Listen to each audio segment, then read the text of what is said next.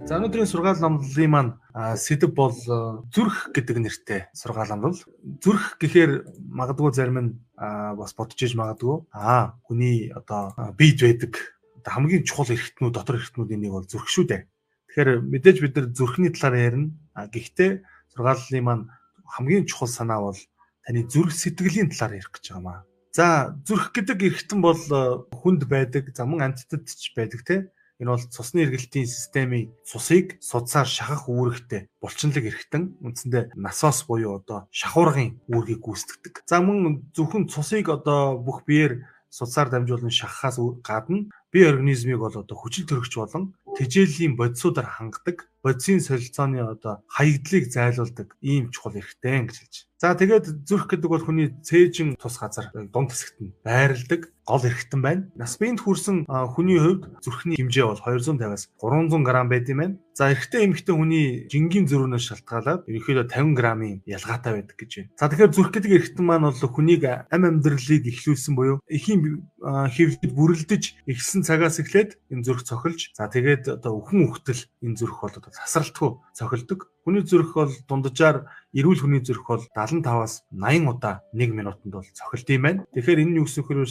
секундэд нэг болон нэгээс илүү цохилдог гэж ойлгож болно. Цохлох бүртээ гэж байгаа. Цохлох бүртээ 300-аас 350 г цусыг хураах за мөн түгээх ийм хүчин чадалтай. За зүрх ер нь ердийн 50 ажиллаж явах үедээ бол 1 минутанд 5 литр цусыг шахаж одоо хүний биеэр ингэж эргэлдүүлж ингэж үздэг юм байна. Тэгэхээр ерөөсөө тасралтгүй таныг унтчих ч гэсэн энэ зүрх гэдэг эрхтэн маань ерөөсөө тасралтгүйгээр бидний бүх бие эрхтний маань одоо толгойн оройгоос хөлийн үзүр хүртэл нэг гарын үзүүрээс нөгөө гарын үзүүр хүртэл те бүх эрхтнэр маань одоо энэ цус гэдэг зүйлийг судсаар маань эргэлдүүлж байгаа хамгийн чухал эрхтэн байгаад. За хэрвээ зүрх зогсох юм бол хүний биеэр цус эргэлдэхэ болно. А цус эргэлдэхэ болоход энэ хөдөлгөөн зогсоход явах хүн одоо үхэж байгаа. Таны биеийн жингийн 0.4% нь л зүрх юу гэхээр таны биеийн жингийн 1% нь ч зүрх хүрэхгүй. А тэгсэн мөртлөө таны амь амьдралыг тэр чигээр нь өөртөө тээж таныг амьдруулж байгаа гол эрчим хүчний эрхтэн бол зүрх шүү дээ.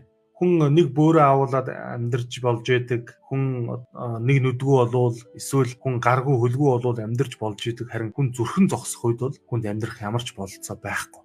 За тэгвэл Библиэлд зүрхний талаар бас юу өгүүлсэн байт юм бэ? Зүрх гэдэг зүйл бас бидний хувьд яагаад чухал юм бэ гэдгийг бол Библиэлд бол өгүүлсэн байгаа. Тэгээд өнөөдөр би та бүхэнтэйгээ бас энэ Библийн шидлүүдийг хамтдаа гаргаж бас судлахаар бэлдсэн байна. За хамгийн ихний унших ишлэл маань болохоор энэ Еврей номын 4-ийн 12 дугаар ишлэл. Учир нь Бурхны үг амьд бөгөөд идэвхтэй хоёр талдаа эртээ ямар ч илдээс хурц бөгөөд сэтгэл хийгээд сүнсийг үе мөч хийгээд нугас чүмгийг салтал нэвтрэн ордог бөгөөд зүрхний бодол хийгээд санаагч шүүх чадвартай гэсэн.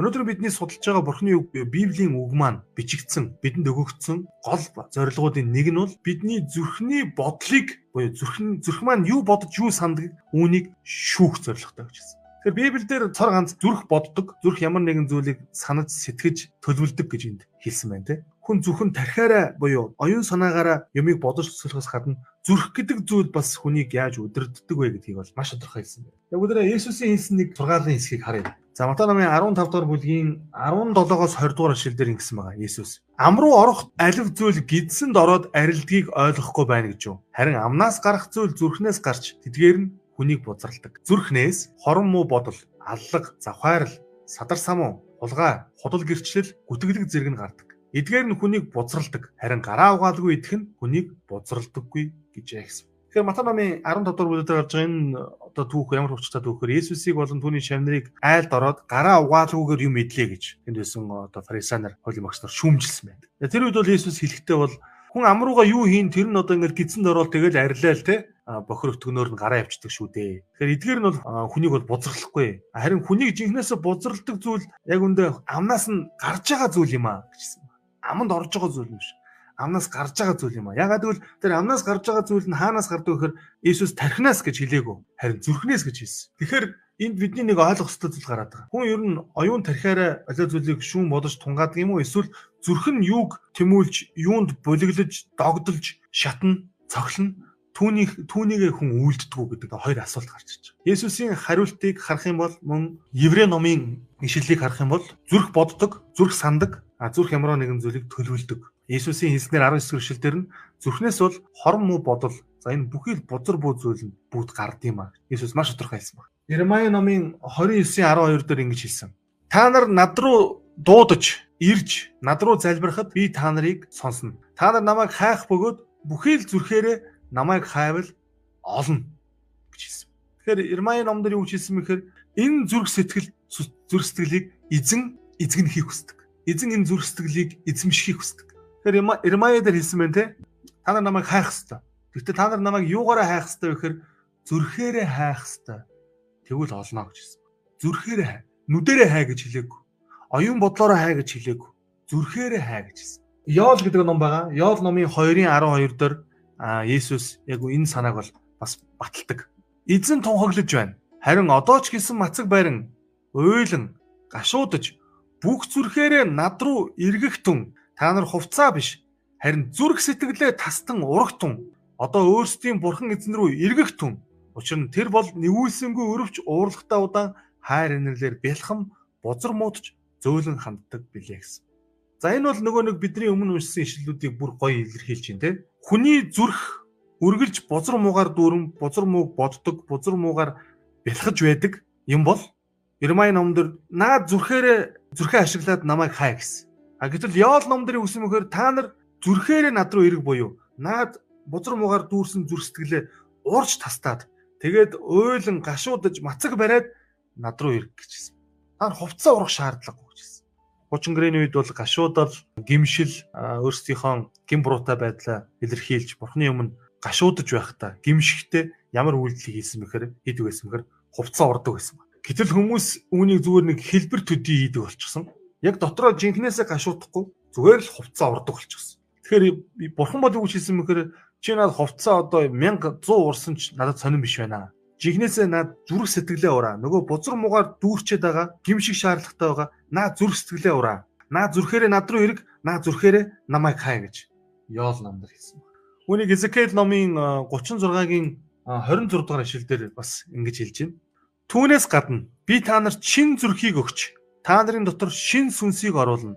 Би та нарын махан бээс чулуун зүрхийг зайлуулж та нарт махан зүрхийг өгнө гэжсэн байна. Эзекиэл дээр байгаа энэ гайхалтай амлалт бол бурхан бидний энэ бузар муугаар дүүрсэн гүтгэлэг, садар самуун, завхаарл, аллах, хүчирхийлэл тэр хорон муугаар дүүрсэн энэ зүрхийг минь шин зүрхээр сольж өгнө гэж амласан байна.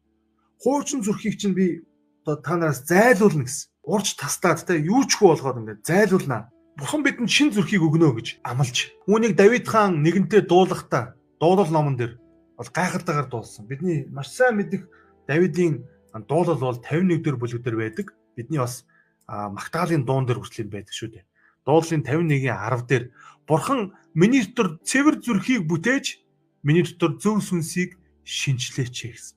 Тэр Есүс Матай намын 15 дахь бүлэг дээр хүний аманд орж байгаа зүйл хүнийг бузралдаг юм харин амнаас гарч байгаа зүйл хүнийг бузралдаг. Ягаад гэвэл энэ амнаас гарч байгаа бузар зүйл нь хүний зүрхнээс гардаг юм аа. Ягаад гэвэл зүрх чинь өөрөө боломжил гарвал бузар мууг үлдэж, боломжил гарвал бузар зүйлийг сэтгэж, тэмүүлж, хэлж үйлдэж бодож тунгааж те төлөвлөж идэв юм аа энэ зүрх чинь бозор шүү гэж хэлсэн байдаг. Тэгэхээр Ирмаягийн хэлснээр Эзекелийн хэлснээр Йоэл ном дээр амсны дагуу бол Бурхан бидэнд шин зүрхийг өгнө гэсэн. Тэгээд Бурхан биднийг наад те энэ хуучин зүрхээ урж тастаж хаяад зайлуулад тэгээд шин зүрхээр намайг ирж тэр зүрхээрээ над руу ирэх гэж Бурхан хэлсэн байна. Тийм тийм учраас Давид хаан энд Бурхан минь ээ надад цэвэр зүрхийг бүтээж өгөөч Тэр үүнийг юу гэж хэлдэг вэ гэхээр шин бүтээл болох, шин амьдрал гэж нэрлэдэг. Шин хүн болох гэж нэрлэдэг. Үүнийг бид нар христч болсноор бидний амьдралд гардаг хамгийн том өөрчлөлт гэж хэлдэг. Өнөөдөр итгэж болсноос хойш таны амьдрал та яаж өөрчлөгдсөн бэ гэвэл хүнд хэр варгийн өөрчлөлт бий болохгүй тийм. Ягаад бол бид нар итгэж боллоо гэд бид нар гоо сайхны хаалганд орчтгүй шүү дээ. Бид нар харагдах байдлаараа зан ааш, үг хэллэг одоо юу гэдэг бидний гаднах дүр төрх яг л хിവэрэ байдаг. Гэтэ итгэж болсноор бидний төр хийгдэх хамгийн том өөрчлөлт юу гэхээр бидний зүрх өөрчлөгддөг. Хуучин зүрхийг минь бурхан хагалж бутлаад, зайлуулад, уурж тастаад шин зүрхийг өгдөг. Тэгээд тэр шин зүрхийг бүтээж бидний дотор суулгаад тэгээд яадаг вэхээр энэ зүрхээр над руу эрг намайг ирж хай. Яг л GPS суулгаж байгаа мэт. Тэ? Яг л одоо луужин өмнө ажиллагаагүй болчихсон луужинг нь аваад ажиллагаа сайтай шин GPS, шин төхөөрөмж суулгаж байгаа мэт. Тэгээ одоо наатахаа ашиглаад намайг ирж хай, над руу тэмүүл, над руу ирэг гэж Бурхан хэлж байна гэсэн. Яаков номын 4-8 дээр бол бас маш гайхалтайгаар яг энэ санааг бас хэлдэг. Бурханд ойртох тун. Тэгвэл тэр та нарт ойртно. Нүгэлт хүмүүс та нар гараа цэвэрл хоёр санаатай хүмүүс та нар зүрхээ ариусгаар гэсэн. Яаков ч гэсэн биднийг хоёр санаатай хүмүүсээ хоёр нүүртэнгүүдээ та нар зүрхээ ариусгаач. Зүрхээ шинчлээч. Зүрхээ урж таслаад шин зүрхийг бурхнаас аваач. Тэгээд тэр шин зүрхээрээ эзэн рүү эргэж эзнийг хайгаач. Тэгвэл та нар олно гэж Библи бидэнд сануулж байна гэсэн. Өнөөдөр би та бүхнийг шин зүрхийг ирж хайсан итгэгчд байгаач гэж уриалах гэдэг. Ром номын 10-ын 9-өөс 10 дээр юу гэж хэлсэн бэхээр хэрв та Есүсийг эзэн гэж амаараа хүлээн зөвшөөрч бурхан түүнийг үгслээс амьдлуулсан гэдэгт зүрхэндээ итгэвэл аврагдах болно. Хүн зүрхэндээ итгэн зөвхт байдалд хүрч амаараа хүлээн зөвшөөрөн авралт хүрнэ гэж хэлсэн. Зүрхэндээ итгэнэ гэдэг ийм ойлголт байна тий. Итгэл гэдэг зүйл бол бэлэг аахгүй юу? Тэгэхээр итгэл бидний амьдралд яаж ирдэг вэ гэхээр маш зөв хөрсөнд суулгагдах үед итгэл ургадаг, тэгээд улам том болж өсдөг. Итгэл гэдэг зүйл чинь өөрөө өсдөг том зүйл. Тэгэхээр итгэлийг бид нэр суулгах хөрс бол бидний зүрх сэтгэл юм байна. Гэхдээ энэ зүрх ямар зүрх байх гэхээр бид нар хуучин зүрхэндээ итгэл суулгавал үр суугаад хэсэгтээ соёолоод тэгэл хөрс нь ялзарсан хөрс нь өөрөө муу хөрс учраас тэгэл удалгүй хорч жоод ялзраад хорхоо шавжинд идүүлээд итгэл өгдөг. Тэгэхээр итгэл гэдэг зүйлийг бид бүхэн Бурханаас бэлэг болгон аваад тэр үрийг суулгах ёстой. Сайн хөрс нь ямар хөрс вэ гэхээр шин зүрхэнд тоххой. Хэрвээ бид бүхэн Ром 19-с 10 дугаар ишлэлийг яг өмнөх уншсан ишлэлүүдээр толгуурлан унших юм бол ингэж уншиж болно. Хэрв та Есүсийг эзэн гэж амаараа хүлээн зөвшөөрч Бурхан түүнийг үгслээс амьдуулсан гэдэгт шин зүрхэндээ итгэвэл аврагдах болно. Хүн шин зүрхэндээ итгэн зөвхт байдалд төрж амаараа хүлээн зөвшөөрн авралт хүрнэ гэсэн. Тэгэхээр хуучин зүрхэндээ буюу тэр чулуун зүрхэндээ тэр бузар зүрхэндээ тэр урж тасдах ёстой зайлуулах ёстой тэр зүрхэндээ итгэлээ суйрлуулж итгэлээ үндэслүүлж итгэлээ суулгаж болохгүй гэдэг санаа. Харин шин зүрхэнд суулгах ёстой. Нэгдүгээр Петр номын 3:15 дээр Илч Петр бас ингэж хэлсэн байна. Христийг эзэн химээж зүрхэндээ тусгаарлан нандгна гэсэн байна. Тэгэхээр зүрх гэдэг энэ зүйл маань Бурхан бидэнд шинээр өгөхийг хүсдэг юм байна. Шин зүрхийг авснаар бид нар шин бүтээл болж, шин амьдралыг эхлүүлж бид бүхэн шин бүтээл болдог. Тэгэхээр тэр зүрхэнд Бурхан итгэлийг өгдөг. Өмнө тэр зүрхэнд Бурхан биднийг Христийг эзэн гэж тусгаарлан нандинараа гэж хэлсэн байна. Таны зүрх сэтгэлийн хойморт хэн сууж байна вэ? айл гэр бүлийн гэрийн хойморт аав нь суудаг шүү дээ. Тэгэхээр таны зүрх сэтгэлийн хойморт хэн сууж? Монголын уран сайхны амин мөрөгэд кино байдаг. Тэр кинон дээр нэг хүү гол дүрдэн тоглодог. Хойд аавтай. Тэгээд хойд аав нь хон гаргаад гиз чанаад яс чанаад ингээд идчихийдэг. Тэр үед нөгөө хүүн өсчихсэн гэрийнхэн үүдэнд те ингээд өссөд аавгаа ингээд сайхан шинэ хоньны шил уугаад яс идж байгааг мах идж байгааг хараад амаа долоогоо л хөрх юм сууж идэг. Тэгээ би тэр киног үзээд ингээд бас тэр хүүг амар өрөвдөжсэн байхгүй. Тэгэхээр өнөөдөр ч гэсэн бид бүхэн Иесусыг хэдийгээр зүрхсэтгэлдээ оруулсан ч гэсэн Иесусыг хоймортой биш үүдэн хатавч хавчаанаа суулгаад байгаа юм шүү дээ. Хэрэв Петр номын энэ ишлэгийг унших юм бол хэдийгээр хоймортой суулга гэж яг хэлээгүй ч гэсэн Монгол ахуйгаар нь Монгол хүмүүсийн сэтгүүгээр тайлбарлах юм бол Христийг эзэн гэж тэр зүрсэтгэлийнхэн хойморт нандинаж зал гэж хэлж байгаа та утга нэг. Айл болгон хоймортой одоо аавын суудаг суудал ор. За тэгээд бурхан өнгөрван байдаг шүү дээ. Үүнтэй адилхан бидний зүр сэтгэлийн хойморт Иесус Христийг бид хүнхээр эзэн гэж тусгаарлаж нандинсан нандинж байна уу гэдг нь чухал. Галат номын 4-ийн 6 дугаар ишлэлдэр ингэж хэлсэн байна. Та нар бол хөвгүүд нь мөн тул Бурхан өөрийн хүүгийн сүнсийг бидний зүрхэнд илгээсэн байна. Тэр сүнс аав эцэг гэж дууддаг гэсэн. Окей. Тэгэхээр Бурхан зүрхэнд итгэлийг өгд юм байна. Бурхан зүрхэндээ биднийг Христийг нандгна гэж хэлдэг юм байна. А мөн Бурхан өөрийн хүүгийн сүнсийг буюу ариун сүнсийг бидний зүрхэнд илгээдэг гэж энд хэлж байгаа. Хэрвээ ариун сүнсийг бид нар онгоцоор зүүрлэх юм бол онгоц буух талбар гэж байдаг тийм. Онгоц буух талбай. Тэгэхээр ариун сүнс хэрвээ бидний бидэн дээр бууж гэж байгаа бол ариун сүнсний буух талбай юу гэхээр зүрх юм байна. Өнөөдөр бид нар ариун сүнсээ бууж ирээж ариун сүнс бидэн дээр та ирээж ариун сүнсээ бидний дүүргэж гэж бид нар залбирдаг, дуулдаг. Тэгэхээр ариун сүнс бидний дээр буух гад эргэлдэж гин гэж бүгдээ төсөөлье. Буух талбай нь цэвэрхэн байна уу? Буух талбай нь бэлтгэгдсэн байна уу? Таны зүрх ариун сүнсийг хүлээж авахд бэлэн байна уу? Энэ бас чухал ойлголт. 2 Коринтын 1-ийн 21 22 дээр ингэсэн байна. Христ дотор биднийг та нартай хамт баттгаж тосолсон тэр бол Бурхан мөн бас тэр биднийг тамгалсан бөгөөд бидний зүрхэнд сүнсийг барьцаа болгон өгсөн ажээ. Тэгэхээр саяны Галатын одоо утгатай яг ижлэх юм байгаа. Бурхан өөрийн сүнсийг бидний хаана өгсөн бэ гэхээр зүрхэнд өгсөн гэж хэлж байгаа. Зүрх гэдэг эрхтэн ямар чухал эрхтэн бэ те? Тэр зүрхэнд итгэл өгддөм байх. Тэр зүрхэнд Христийг бид нар нандинах хэвээр. Тэр зүрхэнд ариун сүнсийг бид нар бас хүлээж авдаг юм. Зүрх гэж ямар чухал эрхтэн бэ? 2 Коринтын 2-ын 4-дэр та нарыг гашуудуулъя гэсэндээ бос. Харин надад байгаа та нарын төлөө гисэн хайрыг та нарт мэдүүлэхийн тулд үлэмж зовлонгоос бачимдах зүрхнээсээ би нулимс унган та нарт бичсэн юм а гэж. Паул энд юу гэж хэлсэн мэхээр би та нарт энэ бурхны үгийг илгээж байгаа нь. Та нарт бурхны үгийг би дамжуулж байгаа нь. Би зүрхнээсээ та нарт бичиж байгаа шүү гэж энд хэлсэн. За үүнийг 1-р Коринтын 3-ын 2 дугаар ишлэлдэр бол та нар бол бидний зүрхэнд бичигдэж бүх хүнээр уншигдаж мэдэгддэг захиа юм шүү дээ. Та нар бол бидний үйлчлэлээр Христийн захиа хэмээн танигдсан билээ. Энэхүү захиа бэхээр бус харин амьд бурхны сүнсээр чулуун самбарт бус харин махан биеийн зүрхний самбарт бичигдсэн юм аа гэсэн. Амен. Бурхан өөрийн захиагаа өөрийнхөө үгийг бидний хаана хадгалдаг вэхээр зүрхэнд хадгалдаг гэж хэлж байна.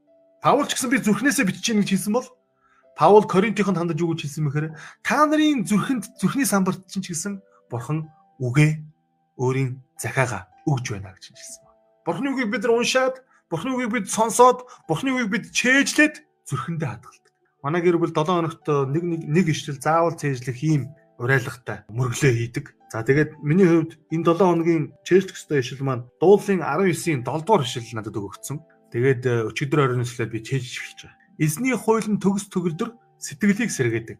Эзний төрчлөн баттай, гиннийг ухаантай болгодог гэсэн ийм шил. Тэгэхээр Бурхны үгийг сонсох үед, Бурхны үгийг хүлээж авах үед, Бурхны үгийг чэйжлэх үед тэр үг хаана бичигддэг вэ гэхээр бидний зүрхний самбарт зүрхэнд бичигддэг гэж. Зүрх ямар чухал хэрэгтэй юм бэ те? Зүрх шинжлэгдснээр шин зүрхийг бид нар авснаар тэр зүрхэнд итгэл соёолж, тэр зүрхэнд Христийг нандинаж, тэр зүрхэнд ариун сүнс өгөгдөж, амун тэр зүрхэнд Бурхны үг бичигддэг байх нь шүү дээ.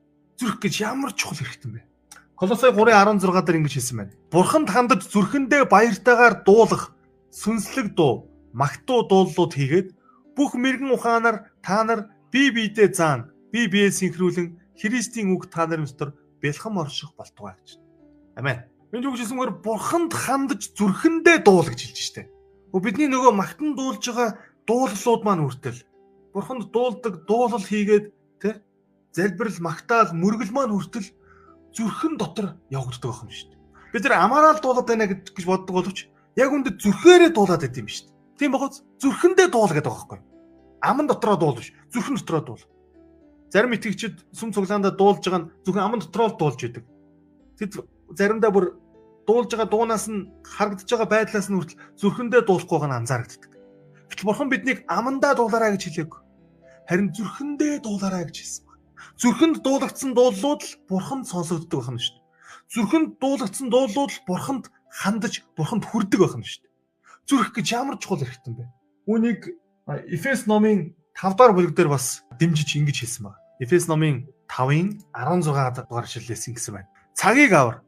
Яагаад гэвэл өдрүүд нь бузар болоо ажээ. Тийм учраас бүү мөнхөг бай. Харин эзний хүсэл юу болохыг ухаар. Дарсанд бүү согтур, ингэл дураараа дүрэх байдал автагдана. Харин сүнсээр дүүрэн байж дуулал магтуу ба сүнслэг дуунуудаар нэг нэгнтэйгээ ярилцаж эзэнд хандаж зүрхэндээ дуулж ай дуу зохиогтун. Аамен.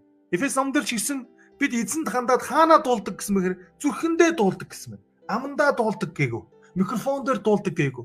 Зүрхэндээ дуулдаг. Зүрх гэж ямар чухал хэрэгтэй бэ? Бид эзнээс шин зүрхийг авснаар тэр зүрхэнд итгэл соёолж, тэр зүрхэнд Христийг тусгаачлан нандинаж, тэр зүрхэнд ариун сүнсийг бидэнд өгч, тэр зүрхэнд бид бүхэн бурхны үгийг сийлэн хадгалж амун тэр зүрхэнд эзэнд хандан магтан доолдог байх юм шүү дээ. Зүрх гэж ямар чухал хэрэгтэй юм бэ? 2 дугаар Коринтын 9-ийн 7 дугаар ишлэлдэр ингэсэн байна.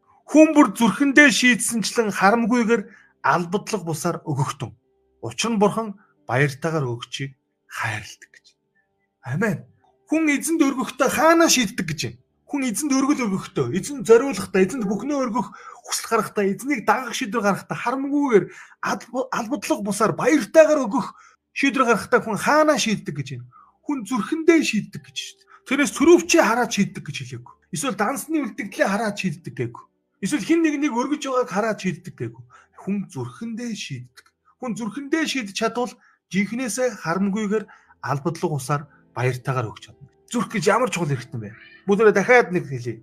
Бид бурхнаас хуучин зүрхээ нөгөө гим нүглэр бузар муугаар дүрсэн хуучин зүрхээ өхүүлж, урж тастаж, зайлуулж, хагалж бутлаад шин зүрхийг авснаар тэр шин зүрхээрээ эзнийг хайж эзэн рүү эргэснээр бид зүрхэндээ итгэлийг авч тэр итгэл соёолон ургаад эзэн Есүсийг зүрхэндээ тусгаачлан нандинаад ариун сүнсийг тэр зүрхэндээ барьцаа болгон хүлээн аваад тэгээд бурхны үгийг зүрхэндээ сийлэн хадгалаад тэгээд зүрхэндээ эзнийг магтан алдаршуулж мөн тэр зүрхэндээ эзэнд өргөхөөр шийддэг баг.